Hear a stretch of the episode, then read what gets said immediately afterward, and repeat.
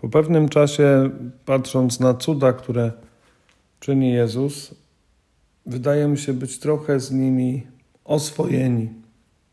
Jakbyśmy przyzwyczajali się do tego, że Jezus karmi głodnych, rozmnażając chleb, uzdrawia chorych, wspiera tych cierpiących, wskrzesza umarłych.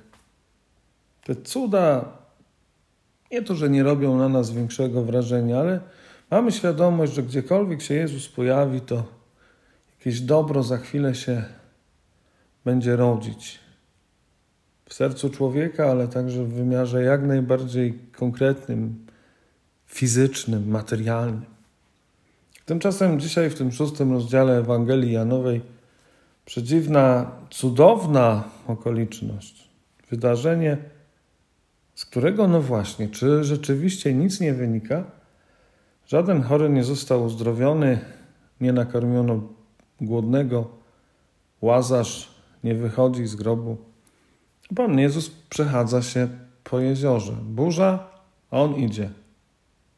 A za chwilę wszyscy są u celu, są przy brzegu, po drugiej stronie.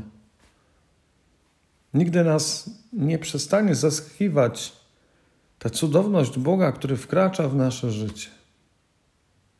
Nie jest dobrze, jeśli będziemy potrafili z tym żyć, że Bóg przestaje być dla nas zaskakujący, niespodziankowy, no właśnie nieoczywisty. Bóg jest Bogiem. Nasze ludzkie rozumienia, ambicje i plany są tylko ludzkie. Te cuda, wielkie znaki nie są tylko po to, aby zaspokoić jakieś kategorie wymiarze pragmatycznym, że coś jest potrzebne. Nie.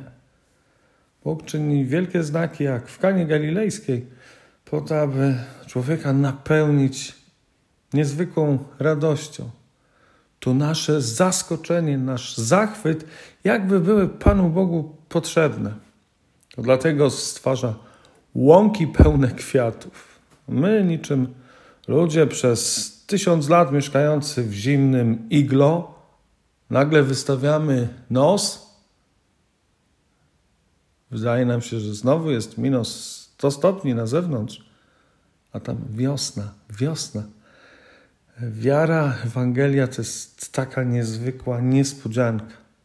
Budzi się wszystko do prawdziwego życia, do miłości.